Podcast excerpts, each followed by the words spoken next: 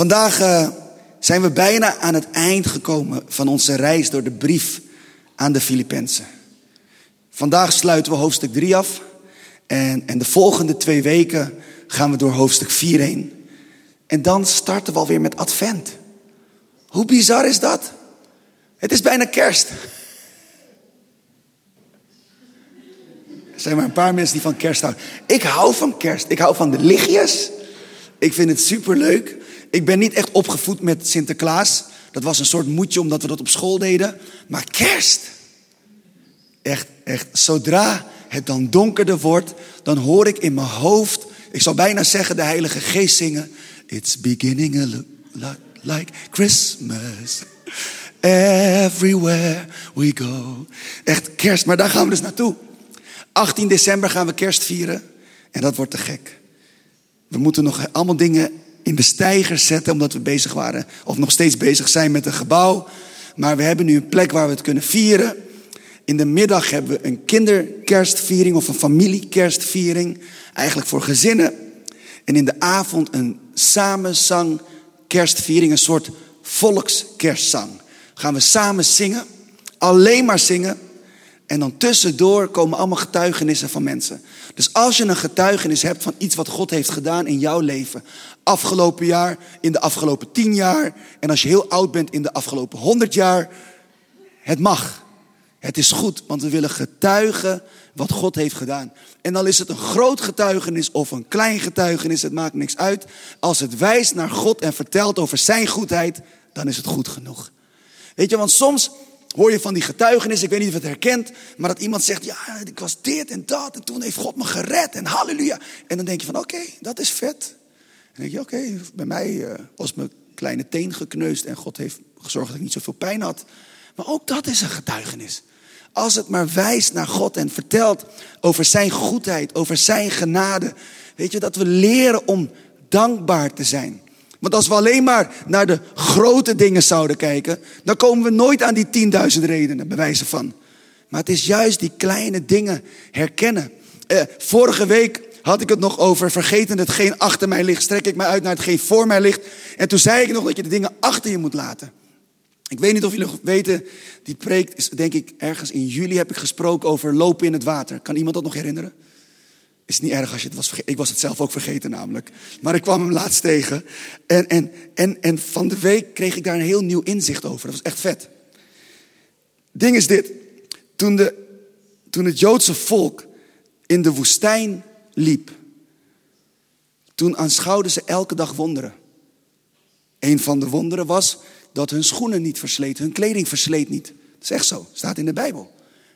Ander wonder was dat ze elke dag manna hadden. Er was elke dag eten, staat in de Bijbel. Een ander wonder was dat er een, een, een wolkkolom of een vuurkolom was. Een wolkkolom bij dag en een vuurkolom bij nacht. Is een wonder. Staat in de Bijbel. En het begon allemaal toen ze door de Rode Zee gingen, de Schelfzee. En dat die open spleet. Een wonder. Staat in de Bijbel. En toen stonden ze voor de Jordaan om naar Jericho te gaan. En wat gebeurde er toen? Toen deed God ook een wonder. Maar 25 kilometer daar vandaan. Als je het opzoekt in Jozua 3 staat er, daar bij Adam, dicht bij Saratan, liet God het water stoppen. 25 kilometer verderop. Uit het zicht van het hele volk. Ze zagen het wonder niet en toen moesten ze in het water gaan staan. Zie het voor je? 40 jaar lang, een hele generatie was weggegaan. Alleen Jozua en Caleb waren er nog bij. De rest was er als het ware niet meer. En op een gegeven moment staan ze voor dat water. Ze hebben 40 jaar lang het verhaal gehoord over hoe God de, het water spleet. En 40 jaar lang hadden ze gehoord hoe God een wonder deed. En ik kan me voorstellen, ze stonden voor dat water en iedereen keek naar Jozua en dacht, hij gaat zijn staf opheffen en het water gaat splijten. Want dat hoorden ze. Just like you did it before. Maar het grappige is, dat gebeurde niet. Jozua zei, jongens, we gaan het anders doen. Ik heb met God gesproken. En ik heb instructies ontvangen. En iedereen dacht natuurlijk, oké, wat gaat doen? Nog spectaculairder, het water stijgt op. En we gaan er onderdoor of zo, weet ik veel. En Jozef zei, nee, nee, nee. we gaan in het water staan. Kan je voorstellen hoe dat moet zijn geweest voor, voor het hele volk? 40 jaar lang hadden ze gehoord over de God van wonderen. 40 jaar lang hadden ze gehoord over al die. 40 jaar lang liepen ze in wonderen elke dag. En nu was het, we gaan stappen in het water. Zie het voor je dat de, de priesters moesten in het water staan met de ark des verbond. Hielden ze omhoog. Het water was heel hoog. Dat zie je ook staan in Jozua 3. En ik kan me voorstellen dat ze stonden van, zakt het water al? En dat mensen aan de kant zeiden, ja, ja, we zien iets gebeuren. En die priesters dachten, ik zie niks gebeuren. Maar het mooie is dit. Wat gebeurde er toen ze in Jericho aankwamen? Hun kleding begon te verslijten. De schoenen begonnen te slijten. Manna stopte. Geen vuurkolom bij nacht, geen wolkkolom bij dag. Zou het zomaar zo kunnen zijn dat wanneer je in een nieuw seizoen stapt, in, in het beloofde land stapt, dat wonderen die je gewend waren, dat die kunnen veranderen? Sommige christenen willen liever in de woestijn blijven, omdat ze daar elke dag de wonderen van God zien dan dat ze willen zijn in het beloofde land waar ze moeten vertrouwen op de God van wonderen. Sommige christenen willen alleen maar in de woestijn blijven, zodat ze de hand van God mogen ervaren in hun leven, terwijl God ze roept naar het beloofde land waar ze mogen vertrouwen op zijn karakter. Sommige christenen vinden het zo fijn om in de woestijn te zijn, want dan voelen ze God, dan zien ze God, dan ervaren ze God, terwijl God zegt, ik ben er altijd. Vertrouw op mijn karakter. Ik vond dat echt mooi. Ik, ik, ik, ik, had het van de week en ik dacht, wauw, dit is vet. En zou dat ook een verklaring kunnen zijn dat er soms seizoenen zijn waarin het lijkt alsof God er niet meer is? Terwijl hij zegt, maar ik wil dat je mij vertrouwt. Je bent nu op de plek waar je moet zijn. Ik heb je hier gebracht met allemaal wonderen, maar nu ken je mij. Vertrouw mij. En ik geloof dat wij als kerk ook naar zo'n seizoen gaan stappen. Waarin we echt mogen vertrouwen op het karakter van God. Dat we de hand van God hebben gezien, maar nu mogen bouwen op het hart van God. Vertrouwen op God. En daar gaat het vandaag eigenlijk over. De vraag die ik heb vandaag is: door wie laat jij je leiden? Jaren geleden was er een reclame, volgens mij van, even kijken hoor, niet Seven Up, maar die andere, Sprite. En de slogan van Sprite was, wie weet het toevallig? Obey your thirst. Gehoorzaam je dorst. En dat klinkt heel catchy. Dat klinkt heel cool. Maar als we zo gaan leven, dan kan je zomaar in de problemen komen. Filippenzen 3, vers 18 en 19, daar staat. Ik heb u al vaak gezegd en zeg nu zelfs met tranen in mijn ogen. Velen leven als vijand van het kruis van Christus. En zij gaan hun ondergang tegemoet. Hun God is hun buik. Hun eer is schaamteloos. En hun aandacht is alleen gericht op aardse zaken. In de message staat het als volgt. Those who live there make their bellies their gods. Beltjes, en voor mensen die niet weten wat bel, beltjes zijn, dat zijn burps, dat je een boer laat, are their praise. All they can think of is their appetite. Zij maken hun buik tot een god. Hun lofzang is een boer. Dus niet de boeren, de boeren, een boer. Lucht. U snapt wat ik bedoel. Ze denken alleen aan hun eetlust. Allereerst dacht ik, oh deze preek is voor mij. Want ik hou van eten. Maar, maar er zit iets diepers in. Tuurlijk, het is helemaal oké dat je van eten houdt, geloof ik. Maar dat, zo heeft God ons gemaakt. Maar als je je laat leiden door honger, dan kan je in de problemen komen. Het deed me denken aan het verhaal van Jacob en Esau in Genesis 25. Genesis 25, vers 29, daar staat: Eens was Jacob aan het koken toen Esau uitgeput thuis kwam uit het veld. En Esau zei: Gauw, geef me wat van dat rode dat je daar kookt. Ik ben doodmoe. En toen zei Jacob: Pas als jij me je eerstgeboorterecht verkoopt. En Esau zei: Man, ik sterf van de honger. Wat moet ik met dat eerstgeboorterecht? Zweer het nu meteen, zei Jacob. En dat deed Esau. En zo verkocht hij zijn eerstgeboorterecht aan Jacob. En als je het verhaal kent, dan weet je dat Esau heel veel spijt had van dat moment. Heel veel spijt. En het ding is, je kan hele verkeerde beslissingen nemen wanneer je je buik volgt. Of anders gezegd, wanneer je denkt vanuit nood, vanuit tekort, vanuit dit heb ik nodig. Ik heb mensen hele verkeerde beslissingen zien maken omdat ze dachten dat ze iets nodig hadden. Dat ze bereid waren om compromissen te sluiten met hun waarden, hun normen, met de richtlijnen die God geeft, omdat ze dachten, ik heb dit nodig. En misschien daarom dat Paulus zegt dat het vijanden zijn van het kruis. Maar dat klinkt heel hard. Maar eigenlijk als je je laat leiden vanuit je nood, dan vertrouw je niet langer op de God die voorziet. Door wie laat jij je leiden? Ik geloof met heel mijn hart dat leven vanuit tekort een belediging is voor wie God is. En begrijp me niet verkeerd. Ik zeg niet dat je rijk moet zijn of dat je heel veel geld moet hebben. Absoluut niet. Ik zeg dat je niet moet leven vanuit tekort. En dat is echt iets anders. Iemand kan volgens aardse maatstaven weinig hebben en nog steeds leven vanuit overvloed. Ik heb het gezien. Ik heb mensen gezien die misschien geen cent te makken hadden, die net genoeg hadden voor iedere dag. En die leefden met een mindset van overvloed. Ik sprak met ze en dat ze mij konden vertellen dat ze de God volgden van overvloed. En ik snapte het niet. Ik had kortsluiting in mijn hoofd, omdat ik ergens gebrainwashed ben door het westerse denken. Waarin we denken dat je altijd meer moet hebben, dat er altijd meer moet zijn en groter en mooier en nieuwer en luxer. Maar echt, ik heb mensen mogen ontmoeten in Indonesië die veel minder hebben en tegelijkertijd veel meer hebben. Want ze leven vanuit overvloed. Ze zijn gericht op God. Ze weten, de Heer is mijn herder. Mij ontbreekt niets. Hij doet mij nederliggen in grazige weiden. Hij voert mij aan rustige wateren. Dat, dat is hoe ze leven.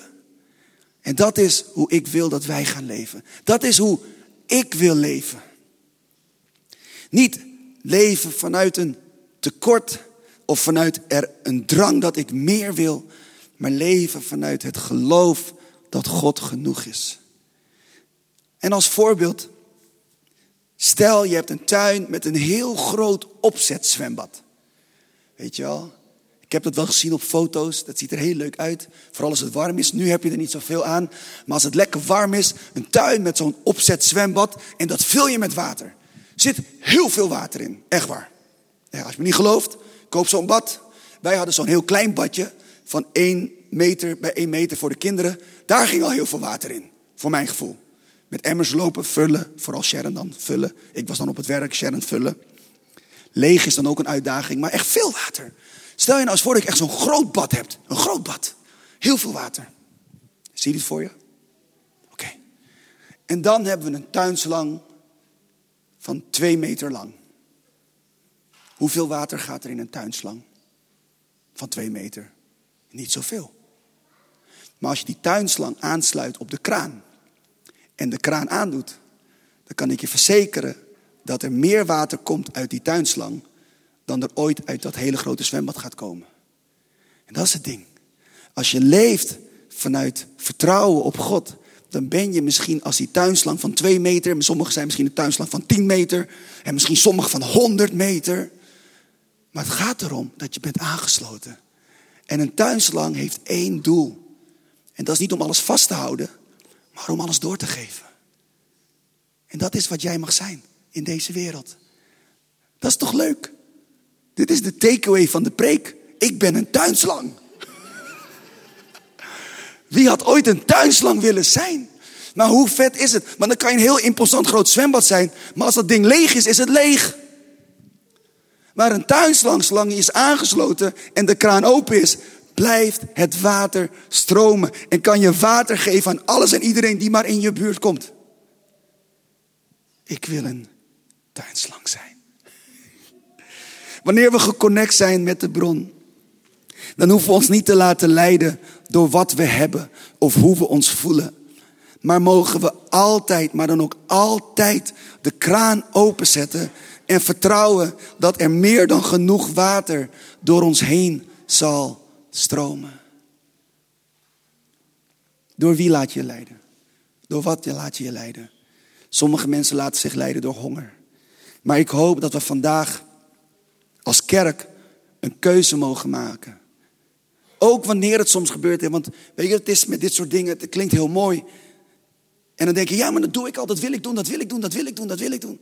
Maar er zullen altijd momenten kunnen komen waarin honger, tekort, opeens wel leidend kan worden. Dat je opeens wel kan zien wat je niet hebt. En dat je denkt van, oh, maar ik heb dit niet. Oh. En dan kan het oprecht lastig zijn.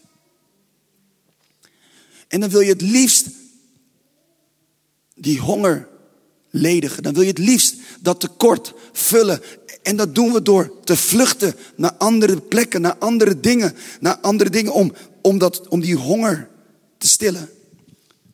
Maar het probleem is, als je naar het aardse vlucht, zal het altijd tijdelijk zijn. En ik zeg dit omdat ik het zelf ook gewoon doe. Dus deze preek is net zo hard voor mij. Dat is gewoon zo. Maar hoe mooi is het als wij als kerk dat besluit kunnen nemen en zeggen: nee, nee, we willen leven vanuit overvloed, vanuit het vertrouwen dat God voor ons zorgt. En op momenten dat het dan niet lukt, dat we elkaar herinneren. Niet vanuit een oordeel van: hé, hey, niet, niet laten leiden door honger. Maar vanuit liefde van: hé, hey, kijk naar God. Hij is zoveel groter. Hij is zoveel krachtiger. Hij is zoveel machtiger. Kom, lukt het je niet? Ik wil je brengen. Ik wil met je gaan staan. Ik, ik, ik, ik wil ik wil deze reis samen met jou delen. Want we horen bij elkaar. We zijn een team. We zijn een kerk. Door wie laat jij je leiden? Het is een simpele vraag. En ik hoop dat we na vandaag met elkaar kunnen zeggen: Ik wil mij laten leiden. En ik zeg heel bewust wil, want het gaat niet altijd lukken. Maar ik wil mij laten leiden door God. En leven vanuit zijn overvloed. En vertrouwen dat zijn hand altijd geeft wat ik nodig heb. Ik, ik, zoals we begonnen. Ik wil niet terugrennen naar de woestijn. Omdat het daar goed is. Dat is zo grappig hè. Toen ze net in de woestijn waren. Toen wilden ze terug naar Egypte. En ik kan me voorstellen toen ze in het beloofde land waren. Dat ze dachten, ja maar ik wil eigenlijk hier blijven. Dat is hoe we zijn. We willen terug naar het bekende, dat wat we snappen, want we proberen dingen te snappen. Maar we moeten ervaren, omarmen, accepteren dat God niet te snappen valt. En wanneer we dan zeggen, zijn gedachten zijn hoger dan de onze, zijn wegen zijn hoger dan de onze, dan zeggen we allemaal amen, halleluja, yay! En dan wanneer dan die gedachten hoger zijn, dan zeggen we, we snappen het niet! Dat klopt, want God is groter, Hij is hoger. Waarom wil je hem snappen? Vertrouw Hem. Vertrouw Hem. Vertrouw Hem. Dat is de opdracht. Dus door wie laat jij je leiden? Ik wil bidden met de mensen hier en de mensen thuis die zeggen: Ja, ik wil vandaag een besluit nemen. Ik wil mij laten leiden door God. En ik wil accepteren dat ik soms dingen niet snap. Ik wil omarmen dat ik het soms niet begrijp. Maar ik wil ervoor kiezen om Hem te vertrouwen. Ik, ik, wil accepteren dat ik soms dingen moet doorworstelen. Dat ik, dat, dat, dat ik soms moet worstelen met de Bijbel, met God, in gebed, omdat ik hem gewoon niet snap. Ik wil dat omarmen, want ik wil hem vertrouwen. Want dat is het. En soms zijn we zo bezig met proberen te snappen, dat we vergeten dat hij gewoon zegt, vertrouw mij. We lijken soms gewoon op kinderen, echt waar. Ik maak het nu mee met onze dochters. Als we dan zeggen, nee, dat is niet zo slim, doe maar niet. Waarom? En dan probeer het uit te leggen. Ja, waarom? En het gaat maar door met waarom. En dan leg je het uit, ja maar dit, ja maar dat, ja maar zus, ja maar zo. En weet je hoe irritant dat soms is? Alle ouders zeggen, aha. Maar het grappige is, Sharon zei gisteren nog, Sharon zei gisteren, wij zaten in de auto met Dwight. En Sharon zei gisteren nog, soms verlang je gewoon tijd, naar, terug naar die tijd, naar die generatie waar ouders gewoon konden zeggen, hm, ik zeg het. En dat was het. Of dat je gewoon, oog, sommige ouders kunnen met ogen kijken. Of wacht maar tot we thuis zijn. Dat werkt niet meer nu. Het is niet bij onze kinderen. Sharon ging een keer tegen Vee met grote ogen kijken. En toen ging Vee terugkijken met grote ogen.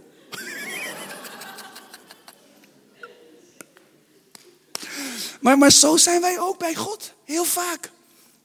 Hij zegt, vertrouw me maar. Want sommige dingen wil je wel uitleggen.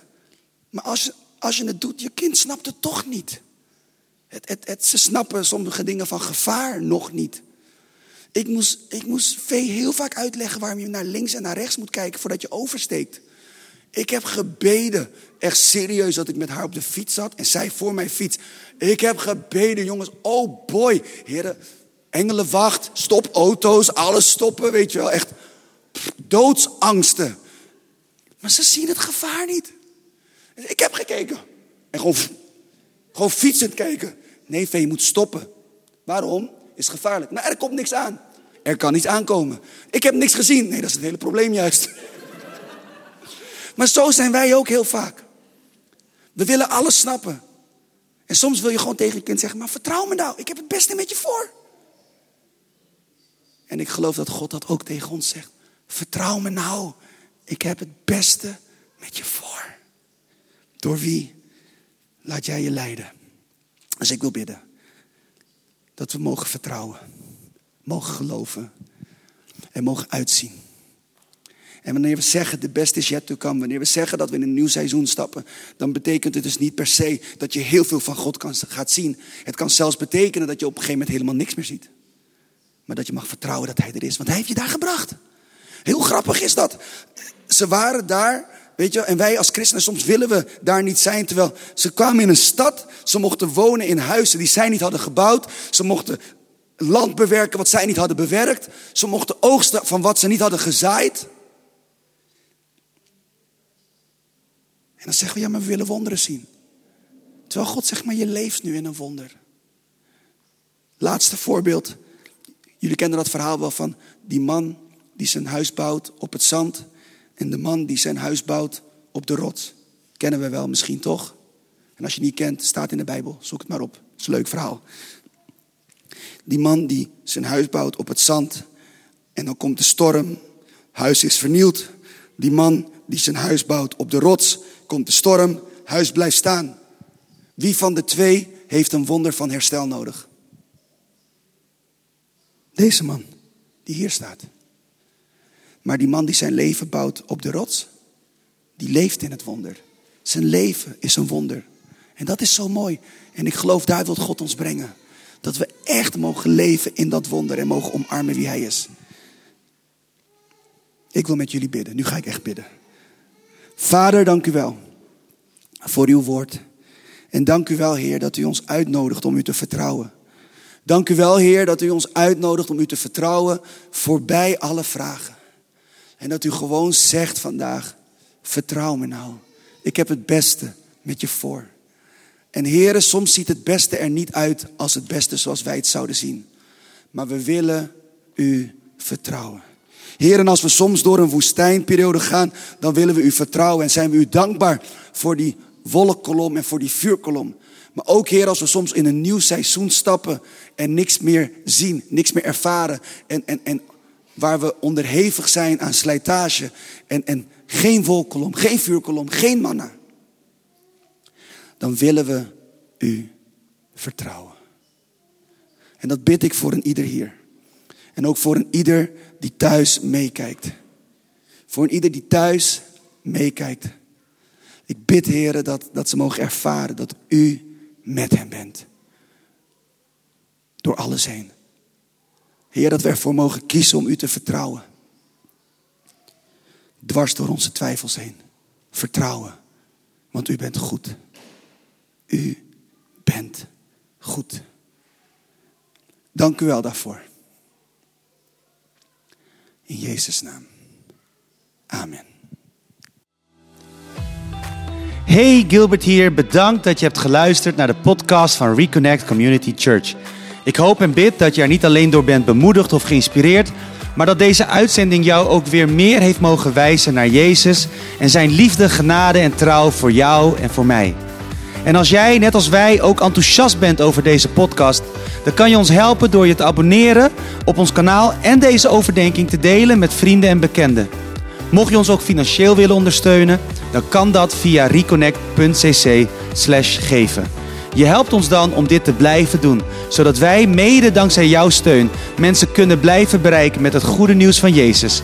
Bedankt voor je betrokkenheid en je support.